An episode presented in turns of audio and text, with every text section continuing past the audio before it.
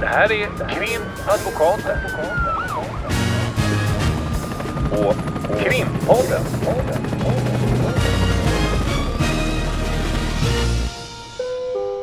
Parter och ombud kallas till sal 32. I förra veckan var jag på ett eh, sånt här juristevent angående mentorer och, och, och så. Och då fick jag en... Får jag bara fråga, är det för studenter eller? Mm, ja, Som ska träffa advokater? ja, men precis. Ett mentorsinitiativ. Mm. Jättebra, jättetrevligt. Bra ordnat och jättetrevligt. Men i där så började vi advokater eh, fick såklart flera frågor om verksamhet och så vidare. Och då var det en av de adepterna som eh, sa att ja, men det här med att vara försvarsadvokat det måste ju, det, måste innebära att man är en eh, ganska känslokall person. Ja, sa du då. Ja, ja exakt. Eller jag svarade inte ens för jag tyckte det var så självklart. Man behövde inte ens prata om det. Men eh, och då sa jag nej, nej, det är kanske inte riktigt så att man är känslokall som försvarsadvokat. Hur tänker du då? Hon bara, ja men det, är ju, det förstår man ju och där sitter ni och försvarar alla de här busarna. Jag vet inte varför jag alltid får så här 50-tals Det var knappast någon adept som sa busande. Nej, det var jag. Jag säger att det var jag. Men, eh, och eh, det var en intressant fråga. Därför att det slog mig att det är såklart att folk ser det på det sättet. Alltså folk utanför nu rättsväsendet, utanför vår, vår värld. Att, ja, men om man nu ska försvara de här Säg ett Mördarna annat och- ord då, än buse.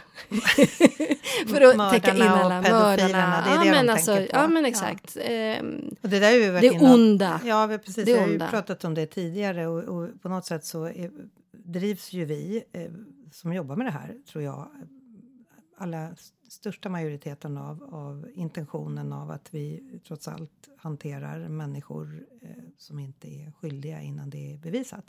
Men när du säger så där så tänkte jag på, det var typ några veckor sedan, så var det en artikelserie i DN där det var, det var två sociologer som har gjort en undersökning eh, där de... Jag har alltså inte läst deras bok. Men det har varit Men- ganska mycket Ja, prat det var om lite den snack i om olika... den. Mm. Ja, för vad jag förstår är att de tycker att, eh, att jurister på något sätt är som teflon i rättssalarna. Jag har förstått det som att de har varit ute på en väldans massa rättegångar. Mm. 300 tror jag. Så pass många. Mm. Och sen har de också intervjuat domare och åklagare om deras jobb i relation till känslor. Lite beklagligt skulle jag vilja påstå om det nu är så att de inte har intervjuat några försvarare. Det är ju, kan ju onekligen vara intressant. De, jag tror att de har inte gjort det och det är ganska intressant att de har valt bort det. Men vi kan återkomma till det. Nu är det åklagare och domare i fokus. Mm. Och vad, vad, vad jag har förstått av, det- av de, den artikeln och jag gick in och kollade också på vilka de här personerna var som hade skrivit den här boken och, och gjort den här utredningen. De är då sociologer.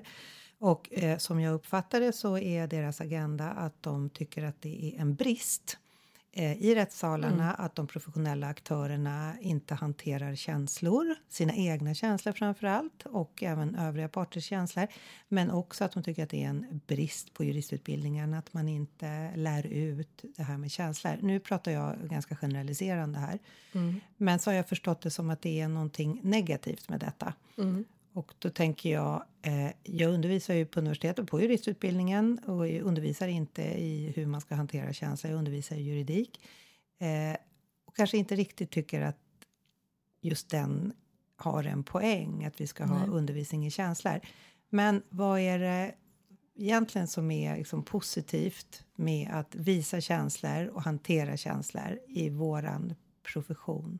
Eh, Framförallt tycker jag nog att man, jag förstår ju att man jag förstår om man tar ett annat perspektiv och frågar oss om men hur, hur orkar ni med eller hur, hur är det, tar du med dig jobbet hem och så. De frågorna har man ju fått jättemånga gånger. Och, och det har jag full förståelse för att man, man undrar. Det, det är ju en ganska intressant frågeställning.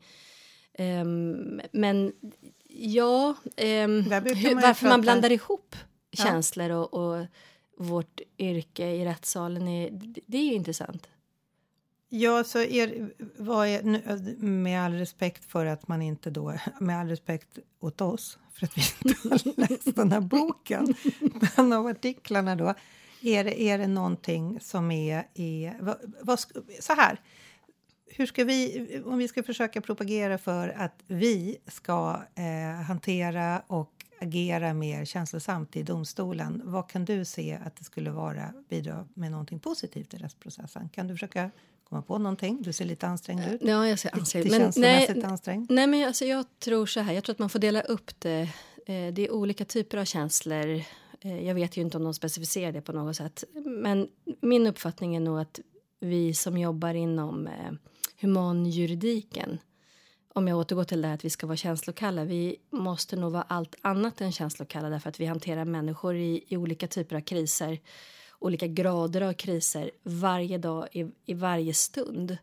Och det här om man bär med sig jobbet, det, det tror jag att vi alla gör. Det vore konstigt annars därför att det, det är svårt att när vi konfronterar ibland vissa dagar flera människor i olika sammanhang, i olika kriser på kort tid. Och så såklart att man blir påverkad, såklart att man bär med sig det och jobbar i det och fokuset blir ju okej, okay, vad kan jag göra i det här? Engage man omvandlar det till engagemang så att säga. Ja, för jag tänker så här att vi har ju våra klienter. Mm. Då är vi eh, försvarare åt någon som är misstänkt mm. som eh, har en person att förlita sig på. Vi kan vara målsägandebiträde åt eh, någon som har blivit utsatt för ett brott som också behöver en person som den kan förlita mm. sig på. Och det är lite det här med att man ska kunna vara någon typ av klippa Ja, men, och, och, det är det jag menar. Det är två led. Först är det vem man är med klienten utanför rättssalen. Därför vi har ju ganska mycket jobb med klienten utanför. Mm. Och det, det är därför jag också tycker att det är beklagligt att man inte har pratat med advokater i den här utredningen. Som vi nu vet. Eh, om, det kanske man har gjort, men jag, jag har inte hört någonting om det perspektivet.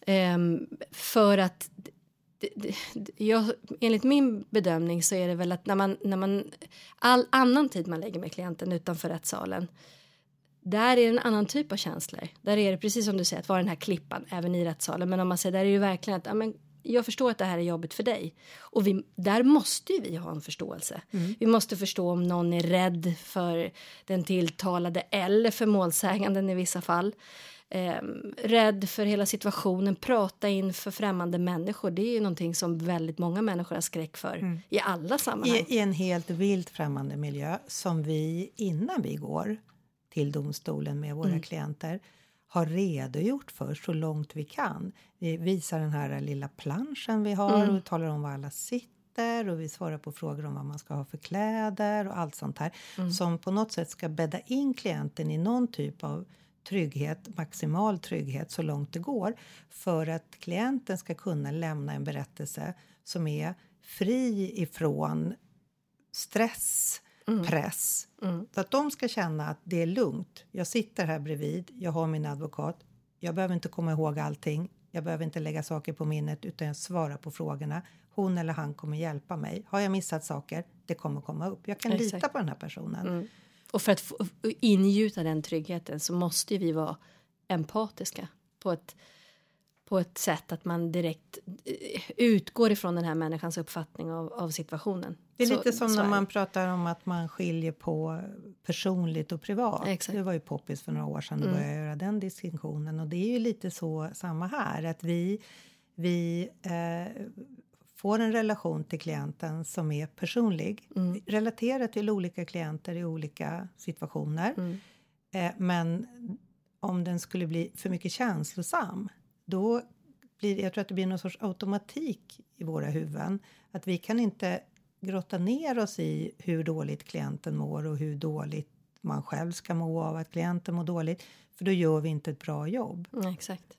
Och då när de har då intervjuat de här domarna och åklagarna, eh, de, det är ju så att tyvärr är det ju på det sättet att de, de i rättssalen, domare och åklagare, de har ju ingen kontakt med klienterna. De har ju ingen personlig, eller privat för den delen, Nej. kontakt med de här parterna som kommer till domstolen.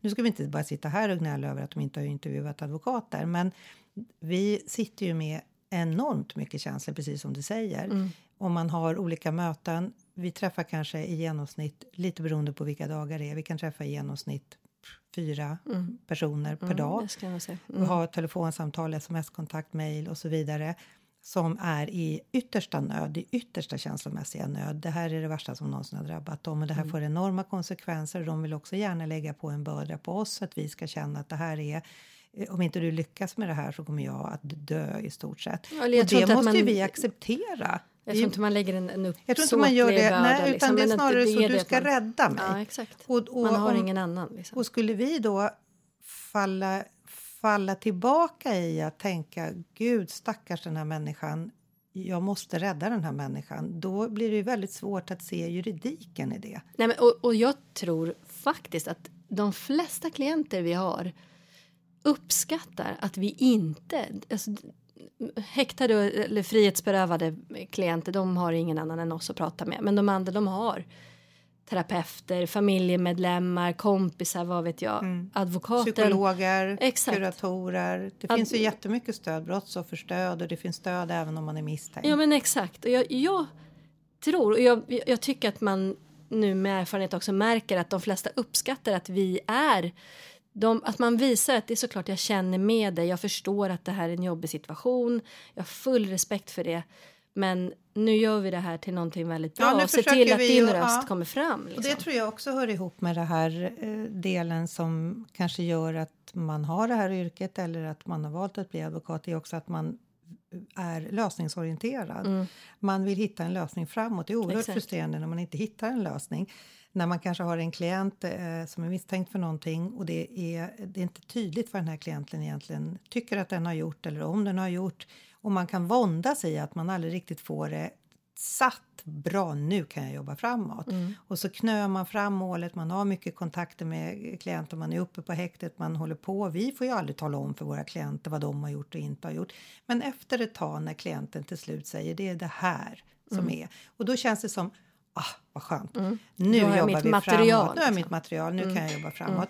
Och då är det precis som du säger. Jag upplever inte att klienterna upplever sig försakade på ett känslomässigt engagemang ifrån oss. Nej. Och skulle vi ta med oss det in i rättssalen så är det ju en risk att man inte ser skogen för alla träd. Oh ja. Alltså det, och det är det. Och om man då ska återgå till, jag vet egentligen inte om det är en, en eh, kritik gentemot själva processen att det borde vara mer känslor eller att det är någon sorts omtanke kring oss att vi är störda människor som inte får lov att känna. Ja, eller kanske Bristen tro liksom om att om vi i- inte visar starka känslor i domstolarna, alla rättens aktörer eller domstolens aktörer, så tas inte de enskilda parterna på, ans- eh, på allvar i deras värld. Jag vet inte om de har intervjuat enskilda parter då, Mm. målsägande tilltalade och, och ställt frågan, tycker du att din försvarare eller åklagaren inte respekterade dina starka känslor kring det här. Det, det skulle ju vara intressant att veta. Men jag tänker, det är en del också i att vi, när vi väl går upp i en domstols, ett domstolssammanhang med våra klienter, då har ju vi också tillsammans med klienterna ofta sett de väldigt obehagliga barnpornografiska bilderna eller filmerna om klienten väljer att se det. inte alltid att de gör det, men eh, vi har också sett de här Obduktionsbilder. obduktionsbilder, eller- Mm. hemska saker. Vi har sett människokroppar som är söndertrasade. Vi har sett allt det här och det har vi gjort på kontoret tillsammans med vår klient eller på häktet tillsammans med vår klient. Eller lyssnat eller läst och de förhör. Det Mm. behöver inte alltid vara bilder. Det kan ju också vara berättelser som, som är svåra kanske för andra som inte har det som jobbmaterial Mm. att lyssna på så att säga. Men då, då är ju liksom... Då, alltså, när, när vi Mm. har varit... Jag vet när jag har varit iväg eh, på förhör vid flera tillfällen under mina år som jag har jobbat så har man sett någonting, eller Mm. man har tittat på en video eller man har sett några bilder som, som i, kan sitta fortfarande kvar. Jag kan plocka Mm. fram det, jag kan inte göra det eftersom vi har sekretess, men jag kan plocka fram exakt vad Mm. jag vet, men när, eller vad jag har sett. Men när jag har gjort det i det sammanhanget och suttit där och sett någonting väldigt, väldigt obehagligt, då reflekterar man över det och sen lägger man in det i ett annat fack. Och sen är man på något sätt neutral. Det behöver inte betyda att man inte är, är påverkad. Men för att man ska kunna göra sitt jobb så kan man inte fångas i bilden av en obduktion. Exakt. Om jag ska vara målsägande beträde och försvara, eller försvara om jag ska hjälpa familjen till en efterlevande eller om jag är försvarare och det handlar om någon som är anklagad för ett mord. Jag kan inte släppa taget om min klient och, och hänge mig åt emotionen om att det var en fruktansvärd bild. Utan jag måste ta in bilden och sen måste jag vidare för att kunna göra mitt jobb. Och det kanske gör att man automatiskt fackar in saker Mm. och sen låter man dem vara där. Sen kan man plocka fram dem utan problem. Och att vi, som vi gör hela tiden här på kontoret, vi pratar med våra kollegor. Har man sett efter. någonting så kommer man hem, hem till kontoret som vi alltid säger. Och då så hugger man tag i första bästa kollega och säger Gud vet du vad jag var på nu och vet du vad jag såg och ja det var fruktansvärt, det var så himla läskigt och det var jätteobehagligt whatever. Det beskriver vi för varandra och genom det så processar man ju. Och då Ja, har man pratat med varandra. Liksom. Ja. Ja. visst. Och då får man ut det på ett sätt. Men det är såklart att, att man har kvar bilder eller man har kvar berättelser eller möten i vissa delar också eh, som man bär med sig. Men om man återgår då till de som är huvudpersonerna ändå i rättssalen, de parterna så att säga, så tror jag ju att även för deras skull, skulle det vara en, att vi visade känslor mycket mer så tror jag att hela upplevelsen av processen skulle bli ganska kanske ytterligare traumatiserande eller att man skulle ifrågasätta eh, objektiviteten eller oberoendet från domstolen. Jag, jag tror att det är farligt. Jag tycker att man ofta också i, i möten med klienterna när man förbereder dem inför eh, eh, huvudförhandlingarna så har ju många med sig de här bilderna från amerikanska serier och så vidare där, där man spelar mycket mer på, på känslor. Man kanske reser sig upp och säger Åh! alla de här som, jag, ja, som man kan skoja om. Liksom, att man säger. Men vi har ju ingenting sånt, det är ganska lågmält. Och om man ska säga känslokallt, jag vet inte om jag tycker känslosamt eller känslokallt, kanske mer fullt för materialet på något sätt. Och den respekten, jag tror faktiskt att de flesta kan uppskatta att det blir lättare att berätta om väldigt jobbiga saker eller titta på saker även när man är drabbad av, av det som vi då ser på de här bilderna och så vidare. Om man gör det i den här ganska lugna kontexten. Alltså respekt för materialet, respekt för alla inblandade. Eller hur? Jag tror att det Ja, blir jag någon brukar- sorts trygghet jag, jag i tror det. också Liksom. att det blir det. Nu sitter vi bara och spekulerar och hoppas att det är på det sättet. Nej, men, jag, nej, men upplevelsen man pratar med klienterna efteråt också. Jag, jag, alltså jag tror att det oftast är en, en bra upplevelse efteråt. Det är vi som pratar med parterna efteråt, eller hur? Det är Ja, och när vi kan säga att nu ska vi, vi kommer ha den här förhandlingen och, och så talar vi om vem som förhörs först och exakt hur det här går till och så. Och så säger vi att du får tänka på att alla som sitter där, förutom du och, och den som sitter mitt emot är, och vittnena som kommer, är, är väldigt vana att höra jättehemska berättelser och väldigt jobbiga saker och så. Så att du kan känna att du, behöver, du är inte den första som ska berätta det här. Så att du behöver inte känna dig orolig över att de ska tycka att du är konstig eller att du är fel eller att du tänker fel eller att du hanterar saker känslomässigt fel. Du behöver inte vara orolig. Och domstolen brukar jag säga till mina klienter, de har respekt. Om du blir jätteledsen eller om du blir jättearg, då kan vi bara se till att det blir en kort paus. Och så bryter vi där och så går vi ut och tar lite kaffe så kan du komma tillbaka och så löser vi det här. Och jag, och, och då, för jag tänker ju att jag försöker hantera mina klienter som jag vill bli hanterad den dagen när jag behöver en, en advokat. Och då tänker jag att det skulle vara ganska skönt att veta att, att jag, jag, de kommer inte tycka att jag är konstig när jag berättar det här. Det kan vara i, i vilken situation som helst. De är vana. Lite som när man tänker när man själv ska gå till en läkare eller en tandläkare. Det här är inte första karieshålet den här personen har sett utan det här är ingenting konstigt. M- Man normaliserar, Neutraliserar. På ett, neutraliserar, normaliserar på ett positivt sätt så att, så att vi ska få fram det som, nu säger vi materialet, det låter ju också känsligt, men det, men det är ju verkligen det. Vi måste göra en bevisvärdering, vi måste lägga fram, vi måste fokusera på vad är det som ska lyftas fram i det här utifrån våra olika roller. Och, och jag tror någonstans att den här om man nu ska säga respekten, lågmäldheten och ändå lyhördheten som i många fall faktiskt är i domstolen, som du säger med pauser eller att man, man stannar upp och säger orkar du lite till, även för de tilltalade, ehm, ska vi ta en paus? Eller om man har försöker med någon stödtolk till exempel, att ja men vi har tid, berätta nu och beskriv och så vidare. Jag tror att att man uppfattar just att det är en empatisk stämning. Ja, och det kan jag säga, så är det inte alltid. Nej. I rättssalen är det inte alltid så, men det är nog min erfarenhet att det är väldigt upp till domaren. Mm. Eh, och det är väldigt olika i olika förhandlingar. Eh, man kan komma in i en förhandling, eh, komma in på en förhandling och man är försvarare och man har en domare som är inbjudande. Mm. Jag tror att det också är mest effektivt. Och det Mm, oh effektiva är ju inte att visa känslor utan det effektiva är ju att domstolen ska ha ett material, berättelser, bilder, vad det nu kan vara för att göra en bedömning, en juridisk bedömning. Mm. Och när en domare är respektfull, tydlig, klar bryter för paus om det nu behövs så tror jag att man är mer effektiv där. Istället för att köra på och du, du kan ta ett glas vatten, nu fortsätter vi här, vi har bråttom. De förhandlingarna när det är bråttom, de är oftast de som blir lite för långa. Därför att det är så bråttom så att det blir hackigt och det blir konstigt och ingen känner sig eh, sedd och ingen är tillgodosedd. Och, medan om det är ett lugnt klimat så tror jag att det egentligen går fortare i slutändan. Och det är domaren som verkligen kan sätta agendan när man kommer in i ett mål. Vi kan inte göra det. Om vi tycker att en domare är lite brysk och vill forcera och titta på klockan och knacka med pennan och lite sådana saker. Det är ju ganska små signaler som kanske inte parterna märker men vi märker det. Och åklagarna, eh, försvararna, målsägandebiträdena kan bli stressade av det här. Då, då kan inte vi få domaren att göra på ett annat sätt utan då gäller det bara att, att gilla läget och då försöker man ju någonstans ändå se till att det blir en paus om man märker att klienten verkligen behöver en paus. Ja, då får man säga jag är hemskt ledsen för ordförande. Jag behöver en paus. Jag behöver gå på damrummet. Fast man inte alls behöver det därför att det är klienten som behöver det.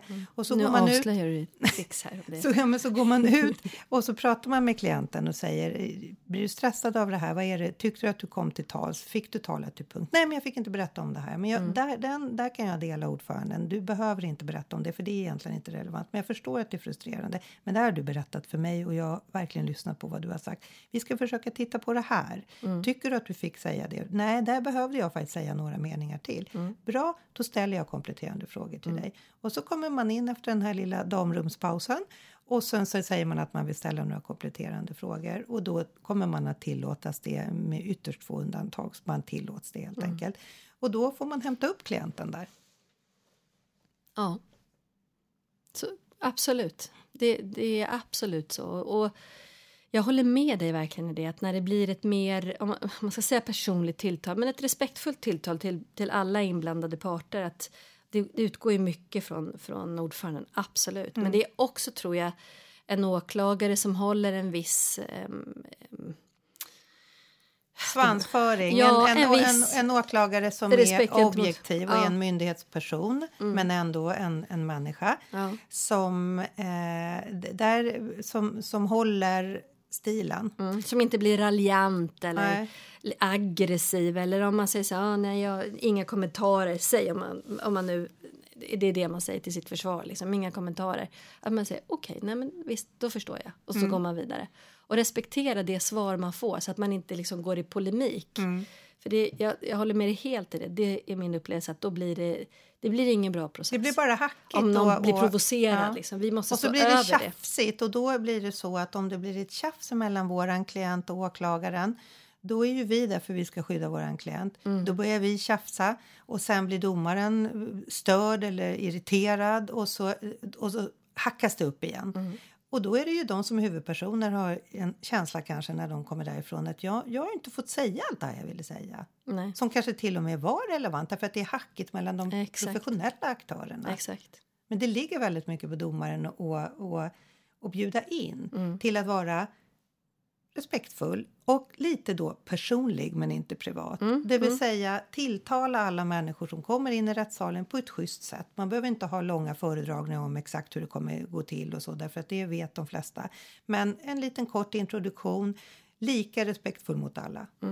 En vänlighet. Det, jag Mm. tror att det är viktigt. Respekt och vänlighet. Jag tänkte på, jag såg på um, eh, den här Leaving Neverland dokumentären om Ja, Michael, Michael Jackson, Jackson. och, Ja, och, sett och, den de här övergreppen som, som På SVT Play. påstås ja, på SVT Play. Ehm, och där jag reagerade just i andra delen där så är det eh, 2003 så gjorde man ju en husrannsakan och så eh, häktades han. Och eh, man drev det då till, till huvudförhandling och man har ju jury i det amerikanska systemet och, och, i den här dokumentären då så har man pratat med vissa jurymedlemmar. Han friades ju på samtliga åtalspunkter, jag tror det var sju misstänkta fall där. Eh, och eh, där låter man då några i juryn komma till tals och bland annat som eh, jag reagerade ganska starkt på så var det en, en äldre dam i juryn som uttalade någonting om att ah, nej, den här mamman till någon av de här pojkarna då som hade vittnat antar jag. Hon, hon knäppte på fingrarna till, åt mig och då, då kände jag så här att nej, hon ska inte sitta där och knäppa med fingrarna. Det där, det köper jag inte. Och då tänkte jag, det här är ju exakt det. Det får inte, det får inte vara känslor i en domstol. Ja, just det, precis. Henne Nej, men då ska blir hon provocerad. Henne ska inte tro på. Hon Nej. ska inte hålla på och knäppa mot mig. Så bli, låter hon sig bli provocerad, vilket enligt min uppfattning är extremt oprofessionellt. Ja, då har då man ju svalt hela känslopaketet. Exakt, och då blir känslorna för, alltså det hamnar framför och skuggar hela mm. bevisvärderingen. Men då är... tänker jag att då har vi lite glidit in i den ständiga pågående frågan om ska vi ha nämndemannasystemet som vi har? Ja. Eller ska vi ha bara domare, juristutbildade domare i brottmålen? Eller ska vi ha ett jurysystem? Mm. Ja, det är sant. Vi kan återkomma till det. Men jag tycker ändå att, att just det här... Vi kan väl sammanfatta i alla fall. Eh, vänlighet och respekt. Det, det betyder inte känslokyla. Kyla, men eh, är nog det som ger bäst resultat. Det tycker jag vi sammanfattar. Bra slutord. Bra slutord. Krimpodden.